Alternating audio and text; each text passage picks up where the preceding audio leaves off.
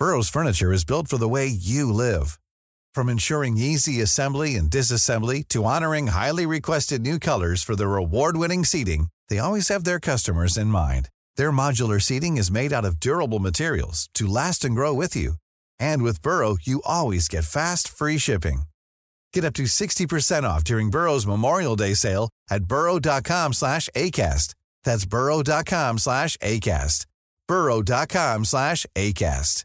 I'm Sandra, and I'm just the professional your small business was looking for. But you didn't hire me because you didn't use LinkedIn jobs. LinkedIn has professionals you can't find anywhere else, including those who aren't actively looking for a new job but might be open to the perfect role, like me.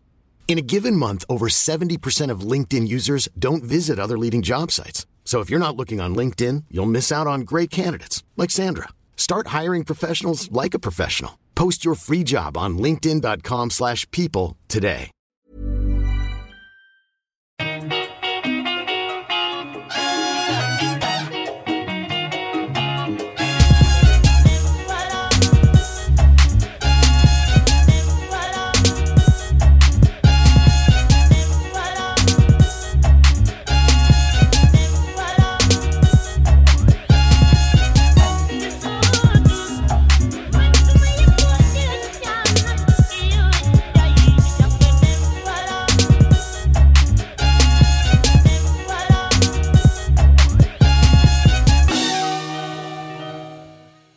Hej och välkomna till Svart historia-podden med mig, Amat Levin och eh, säsongens andra reflektionsavsnitt. I de här avsnitten så tar jag upp eh, ja, era tankar och frågor och sånt som har dykt upp efter att ni har lyssnat på säsongens huvudavsnitt. Och eh, jag har precis avslutat den här trilogin om den haitiska revolutionen och eh, det är ett par stycken av er som har skickat in både frågor och tankar och reflektioner. Och den första jag tänkte, jag tänker inte läsa upp hela meddelandet, men det är från en person som berättar om sin tripp till Haiti för ungefär tio år sedan. Eh, hon dejtade en kille som eh, var från Haiti och som kom från en familj som hade immigrerat till Haiti på 1800-talet och eh, då invandrat från eller hon beskriver dem som judar från Syrien slash Libanon. Eh, och de hade vandrat in till Haiti på grund av att det var en av de få ställen som gav ut medborgarskap. Och det här, nu, kan inte jag uttala mig om det här liksom specifika fallet såklart, men jag tycker att det är ändå ganska intressant att notera att det här är som sagt då på 1800-talet någon gång och det jag också har läst mycket när jag har studerat det här med Haiti är just det här med det här med ja, utdelandet av medborgarskap, eller snarare att man var väldigt så villig att ta in nya invånare i landet. Eh, under det här massiva frigörelsekriget så jag tror att jag nämnde i något av avsnitten att eh, man estimerar eller uppskattar att ja, upp till hälften av hela befolkningen avled under det här kriget. Så det fanns ju ett jättestort behov av att befolka landet. Och det var någonting som man ägnade sig åt på Haiti under större delen av 1800-talet. Att försöka locka folk dit. Eh, det började redan under eh, Jean-Jacques Dessalines ledarskap, alltså den första ledaren för det fria Haiti. Han identifierade ju det här problemet att man hade det här otroligt stora behovet av så att säga manpower. Eh, särskilt personer som kunde bli soldater och eh, hjälpa till att försvara landet eller bönder som kunde hjälpa till att eh, reparera den här ruinerade plantageekonomin. Dessalin gick till och med så långt att han bad brittiska slavhandlare om att få köpa några laster av de förslavade afrikaner som skeppades över Atlanten. Som han då tänkte kunde ja, befolka eh, Haiti. Och den här dealen hade antagligen gått igenom om det inte var så att antislaverirörelsen var på väldigt kraftig uppgång i Storbritannien under den här tiden. Alltså det här är 1800-talets liksom första år. Och bara något år efter att eh, Dessalin hade försökt köpa de här förslavade människorna så förbjöd ju Storbritannien slavhandeln. Och det visar ju eh, verkligen hur desperat man var att få en större befolkning på Haiti där efter frigörelsekriget. Återigen, jag vet inte i vilket eh, sammanhang den här familjen kom till Haiti såklart. Men det var den där situationen som rådde på eh, i det här landet under större delen av 1800-talet. Eh, hon beskriver också lite de ekonomiska, de otroligt ekonom, stora ekonomiska klyftorna på Haiti. Att eh, de hon umgicks med tillhörde väl kanske de rikaste på ön och att de hade eh, hon beskriver det som att hon aldrig har sett en sån rikedom. Eh, de här människorna rörde sig med beväpnade personliga bodyguards och man tog bilen överallt eh, och, och liksom hoppar bara in till stället man ska på. Och sen så direkt när man är klar där, då hoppar man in i bilen igen. Eh, man håller inte på och eh, rör sig runt på gatan för, eller av rädsla för att bli typ rånad eller kidnappad eller liknande. Och just den här hur stort det skiljer sig mellan de som har det gott på Haiti och de som har det sämst. Återigen, idag så är ju Haiti det fattigaste landet på det västra halvklotet. Så det är ju en enorm fattigdom som råder i vissa av de här, dels alltså hos bönderna på landsbygden men även i städerna. Det finns, um, om man vill se hur platser som Port-au-Prince ser ut så finns det hur mycket som helst på Youtube. Alltså olika dokumentärer och folk som har varit där och filmat. och uh, det är faktiskt, det är faktiskt något uh, ofattbart att se. Och det leder väl till fråga nummer två, eller jag fick faktiskt flera frågor på det här temat. Och vill man ställa frågor eller vill man skicka dem till mig, man kan göra det på Svart Historias eh, DMs såklart. Man kan också göra det på mejlen svarthistoria@gmail.com. Eh, man skulle också kunna testa att spela in sin fråga som en, alltså i ett ljudformat och skicka den till mig. För då skulle jag kunna spela upp den i avsnittet så blir det inte lika så statiskt att jag bara läser upp vad ni har skrivit utan då hör man ju också personen som faktiskt ställer frågan. Men det var flera som undrade just om det här med Haitis eh, nutida historia. Om, om det kommer att komma ett avsnitt om det. Kommer det komma ett avsnitt om Pappa Doc slash Baby Doc. Det är ju alltså François Duvalier som var president över Haiti från 1957 till 1971. Och därefter så tog ju hans egen son över, Jean-Claude Duvalier och eh, styrde från då 71 ända fram till 1986. Så det är ju en nästan 30-årig period av en liksom pappa-son kombo som styrde landet och gjorde det på ett, eh, de var ju diktatorer. Ehm, och det här är ju en jätteintressant period såklart. Eh, förutom, jag menar, jag, jag har ju letat nu i Haitis gamla historia för att hitta några av svaren på landets situation och varför det ser ut som det gör idag.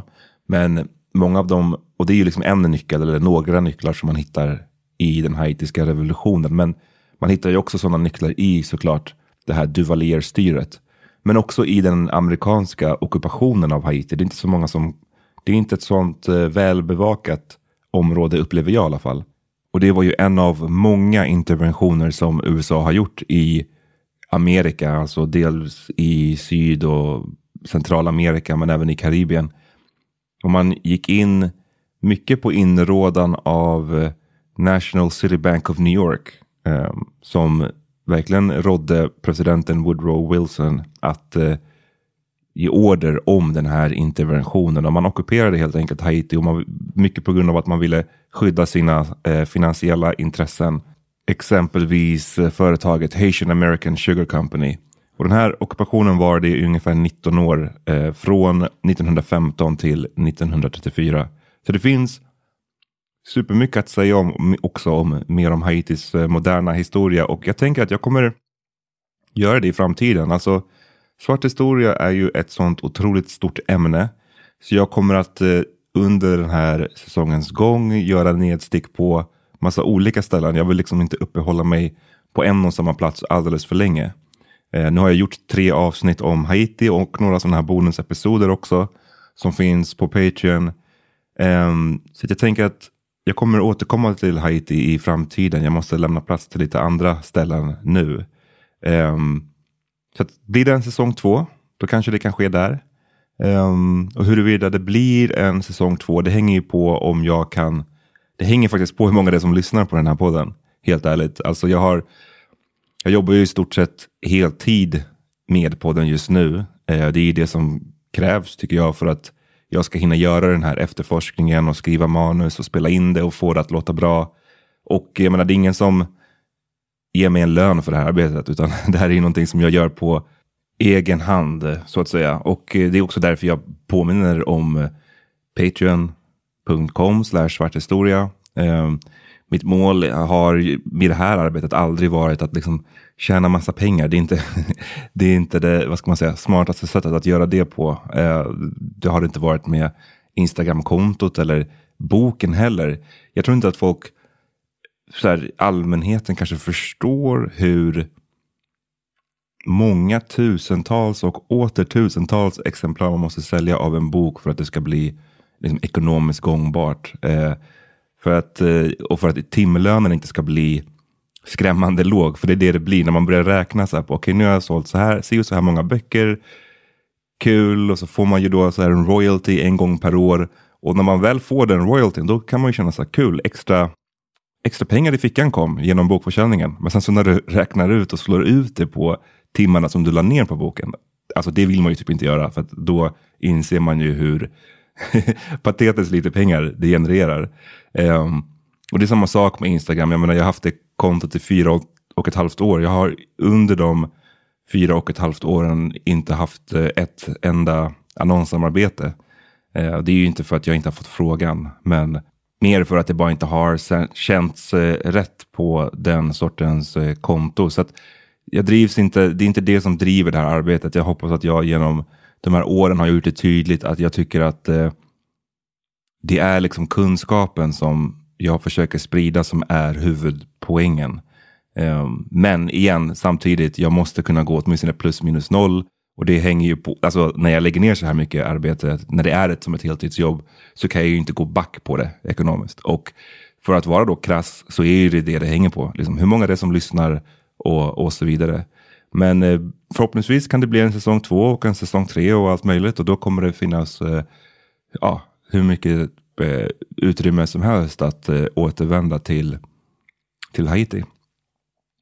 Vi tar en liten paus. Sen tänkte jag komma tillbaka och svara på en till fråga jag fick. I'm Sandra and I'm just the professional your small business was looking for. But you didn't hire me because you didn't use LinkedIn jobs. LinkedIn has professionals you can't find anywhere else, including those who aren't actively looking for a new job but might be open to the perfect role, like me. In a given month, over 70% of LinkedIn users don't visit other leading job sites. So if you're not looking on LinkedIn, you'll miss out on great candidates like Sandra. Start hiring professionals like a professional. Post your free job on linkedin.com/people today. Burrow is a furniture company known for timeless design and thoughtful construction and free shipping, and that extends to their outdoor collection. Their outdoor furniture is built to withstand the elements, featuring rust-proof stainless steel hardware, weather-ready teak, and quick-dry foam cushions. For Memorial Day, get 15% off your Burrow purchase at burrow.com slash ACAST and up to 25% off outdoor. That's up to 25% off outdoor furniture at burrow.com Okej, okay, jag är tillbaka och eh, den här frågan kom på mejlen. Eh, igen då, ni får gärna mejla era funderingar och sånt till svarthistoria@gmail.com så tar jag upp dem i ett sånt här framtida reflektionsavsnitt. Det här kommer från en James, jag behöver inte kanske säga hans eh, efternamn, men eh, frågan är så här, och det är en lite längre fråga, jag behöver inte läsa hela, men den är så här. Eh, vad vet man om de slavar som blev ledare för upproret? Typ eh, Toussaint Louverture och Jean-Jacques Dessalines. Alltså deras bakgrund och hur det kom sig att just de blev ledare. Och det är en bra fråga. Um, det fanns ju, som jag var inne på i något av avsnitten, många ledare för revolutionen. I alla fall till en början. Eh, den, den, startade ju inte som en, de var ju inte som en enhetlig armé av förslavade människor, utan det var ju små uppror som bröt ut på lite olika håll och som sen kan man säga växte samman. Eh, och det är ju då Toussaint Louverture som har blivit då den, den då främsta ledaren av, av, eh, av goda skäl. Men det fanns ju flera. Men just eh, vad gäller Louverture så har ju skriverierna, han har ju själv liksom lämnat efter sig en hel del saker som han har skrivit om sitt liv. Men de berör mest hans tid på toppen, alltså när han var eh, härskade över Sandoming. Och han har varit ganska så förtegen med att berätta om sitt tidiga liv. Och det kan man ju spekulera i vad det beror på. Om han kanske... I, äh, det kanske låg i hans intresse att skriva om perioden när han var på topp helt enkelt. Han kanske inte ville att folk skulle veta eh, allt om hans bakgrund. Det kanske var därför han valde att inte skriva så mycket om det. Men det här har ju lett till att den tidiga historieskrivningen om Louverture bestod av eh, det kom att bestå i alla fall av rätt så här, ensidiga hjälteporträtt där han har beskrivits som en eh, idealistisk eh, familjeman som var besatt av upplysningens idéer om rättvisa och alla människors lika värde. Den synen dominerade ju faktiskt eh, fram på, in på 1970-talet när det kom ny forskning som konstant då visade upp en mer komplex bild. Alltså det var inte liksom att han framställdes som raka motsatsen. Men det, bara, det, det, fram, det framgår att han var en person som att han var en människa helt enkelt. Som har både eh, bra sidor och mindre bra sidor. Och det som, eh, en av grejerna som framkom där redan då på 70-talet var ju att Toussaint Louverture inte frigjordes i samband med revolutionen. För det var det man trodde förut, att han var, han var en av de här förslavade människorna som reste sig tillsammans med alla andra och sen då klättrade till att bli en ledare för hela revolutionen. Men det har man kunnat konstatera sen dess att det inte var så. Utan han var ju vid, när upproret bröt ut så var han redan en fri man. Eh, han hade frigetts. Han hade ju varit en slav tidigare men han hade frigetts. Och eh, hade egna plantage vid den här tidpunkten som han dessutom använde slavar på. Alltså han ägde själv en handfull egna slavar. Och än idag så fortsätter ju bilden att bli klarare av vem Toussaint Louverture var. Det produceras ju hela tiden ny forskning eh, som fortsätter att ge en tydligare bild av honom. Och eh, historikerna gör ju det genom att gå igenom ja, men, till exempel brev som Louvertures tidigare ägare har skickat. Eh, kyrkans arkiv över eh, födslar, dop, giftermål, dödsfall. Memoarerna som Louvertures son Isak skrev år 1825 dokument som Louvertures eh, landägande och affärsverksamheter lämnade efter sig. Den sortens saker. Alltså det är ju massvis av olika. Det är som en stor paper trail som man eh, försöker följa då. Och den sammantagna bilden som vi har idag säger ju att Toussaint Louverture föddes in i slaveri på Saint-Domingue någon gång mellan 1739 och 1746. Enligt Louvertures sons memoarer så ska Toussaint ha varit barnbarn till en man vid namn Gao Gino. En mäktig kung av en nation som hette Alada och som låg i de södra kustområdena av dagens Benin. Och Alada var i krig med det imperialistiska grannlandet Dahomey, stormakten i regionen. Ett krig som resulterade i att eh, mängder av invånare togs till fånga och såldes in i slaveri. Och Toussaints pappa ska alltså ha varit en av dem och fördes till Sandoming där han gifte sig med en annan förslavad kvinna från samma nation och som senare kom att föda Toussaint. Men ny forskning pekar på att den här berättelsen om att Louverture tillhörde en kunglig familj sannolikt är en myt eftersom det har inte funnits en kung av Alada med det namnet. Eh, Louvertures farfar tros istället ha varit en provinsiell ledare, en slags eh, jag vet inte, mellanchef eller någonting. Och tidigare har det gått att urskilja att man nästan försökte göra en koppling mellan Louvertures då påstådda kungliga bakgrund och hans ledarposition på Saint-Domingue. Typ att han var född till att leda. Men mycket pekar eh, nu på att hans föräldrars bakgrund i Alada inte hade så stor påverkan på Louvertures liv. Han tros ha kunnat fon, alltså språket man talar i Benin, men han föredrog att prata franska eller kreol och valde ju sen som ledare över kolonin att förbjuda praktiserandet av voodoo och istället framhäva katolicismen. Eh, precis som i stora delar av världen vid den här tiden var Afrika associerat med barbarism och bristande civilisation. Så att för personer som Louverture som hade ambitionen att klättra i samhället då var det vanligare att försöka hitta sätt att förstärka sin, alltså inte att förstärka sin afrikanska identitet utan att snarare då förstärka sin karibiska identitet. Eller sin identitet som del av det större, mer världsliga franska samhället.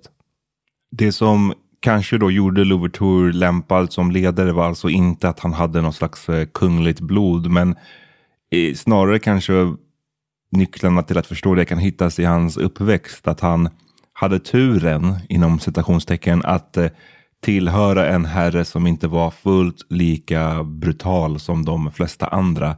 Han eh, fick ju också tränas i eh, hushållsarbete och kunde på så sätt slippa det här otroligt hårda arbetet ute på sockerplantagen. Han fick eh, också lära sig att eh, rida och att liksom hantera djuren.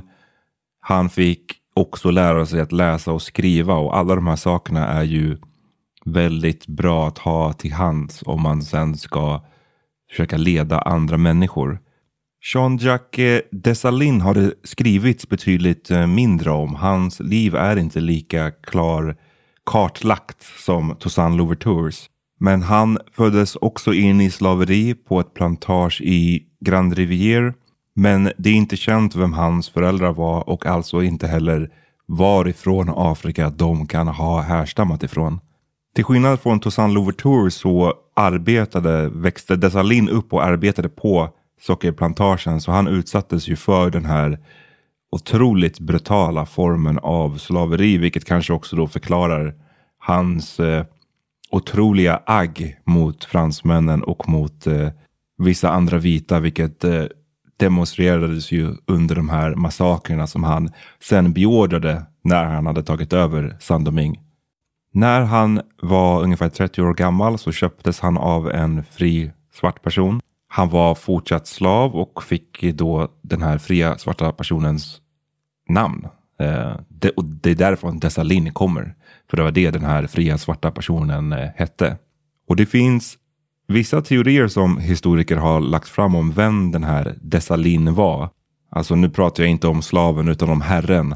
Och det finns de historiker som menar att den här herren då var Louvertures svärson. Så att det menar de då skulle förklara eh, rätt mycket om Toussaint Louverture och Jean-Jacques Dessalines eh, relation sen. För de stod nära varandra. Dessalines var ju som eh, Toussaint Louvertures högra hand.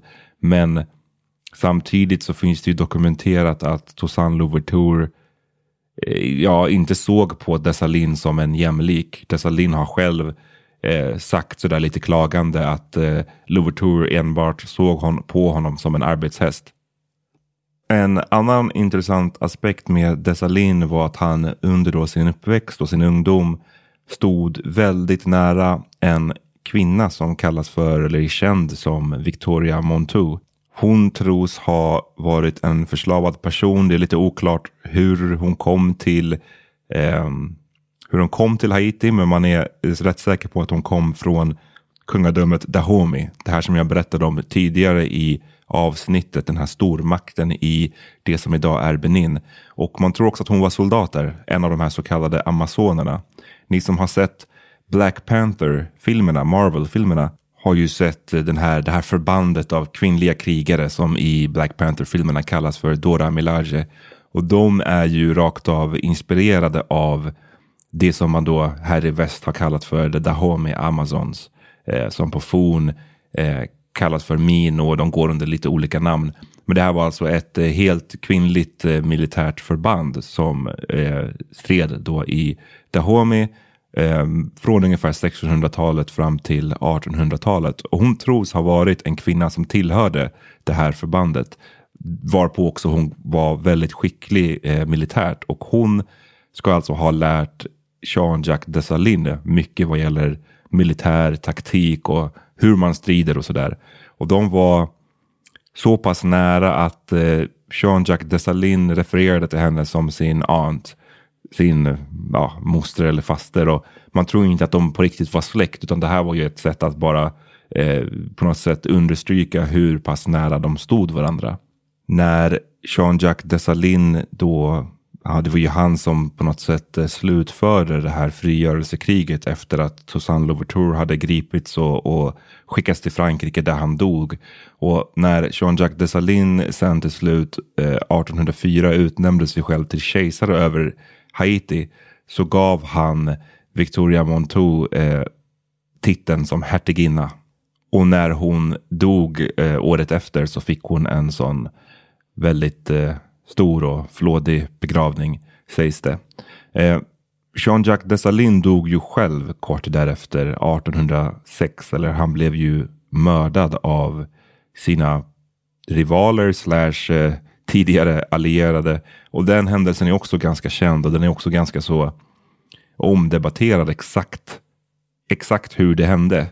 Men i en populär version av den här storyn så blev han i stort sett slaktad av sina egna män. Och det här hade ju, han hade ju gjort sig väldigt impopulär. Vi pratade ju lite om det här i huvudavsnittet, hur hans arbetslagar och sådär verkligen eh, angränsade till slaveri. Åtminstone till tvångsarbete och befolkningen som trodde att de skulle bli fria efter eh, den haitiska revolutionen insåg ju att de inte var särskilt fria. De fick ju välja mellan att antingen vara eh, bönder som skulle verkligen slita på fälten för att försöka reparera den här plantageekonomin eller soldater som skulle försvara landet. Det var ju de två valen som de allra flesta människorna fick. Så att, eh, det var ett stort missnöje som hade brutit ut eller som hade spritt sig över eh, Haiti och det utmynnade ju i då att han blev i ett eh, bakhåll mördad av sina egna män och det sägs att han blev skjuten och huggen och stympad verkligen. Det här var ju en mobb av folk som eh, som gjorde det här. Och det sägs ju att här kommer det en annan, en annan eh, kvinna som har gjort sig känd i den här haitiska berättelsen om, om den haitiska revolutionen och födandet av den haitiska nationen. Hon är känd som Dede Basil. Och eh, det var, sägs vara kvinnan som under den här attacken, eller snarare efter den, eh, samlade ihop Jean-Jacques Dessalins eh, kroppsdelar som låg liksom utspridda och som man verkligen behandlade med någon slags motsatsen till respekt. Men den här kvinnan var den, hon är känd för att ha varit den som samlade ihop kroppsdelarna och eh, gav Dessalin en eh, riktig begravning. Så där, jag hoppas att det där var svar på era frågor. Lite mer info om Toussaint Louverture och Jean-Jacques Dessalin. Fortsätt att eh, skicka in frågor och funderingar och reflektioner och allt möjligt så ska jag göra mitt bästa för att eh, svara på dem. Ni som kanske har missat det så finns det också två bonusavsnitt på Patreon. Eh, Patreon.com slash svarthistoria där man kan bland annat få höra mer om Romain La Profetesse, en av revolutionens tidiga ledare som av vissa nu för tiden eh, beskrivs som en transperson. Man kan också få höra mer om polackerna som stred på Haiti för Frankrikes räkning men som väl på plats på ön bytte sida och eh, stred för rebellerna och som belöning fick bli medborgare i Haiti och eh, bildade som en liten polsk community. Det kan ni höra om på de Patreon-exklusiva avsnitten.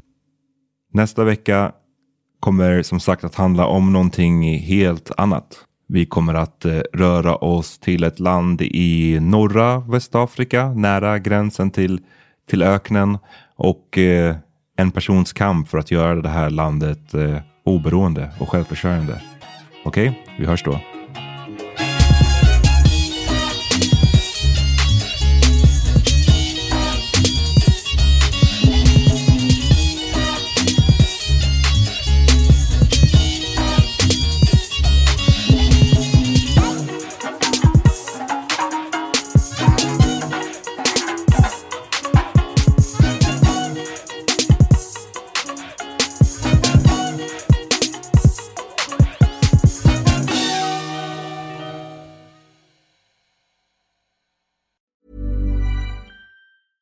Hey, folks, I'm Mark Marin from the WTF Podcast, and this episode is brought to you by Kleenex Ultra Soft Tissues your ally to help tackle your allergy symptoms this season. I love the change of seasons, but nobody loves pollen and all those other things floating in the air that make you sneeze during this nice weather. Kleenex Ultra Soft Tissues are hypoallergenic and allergist approved. So fight back against watery eyes and runny noses without worrying about irritating your skin. For this allergy season, grab Kleenex and face allergies head on.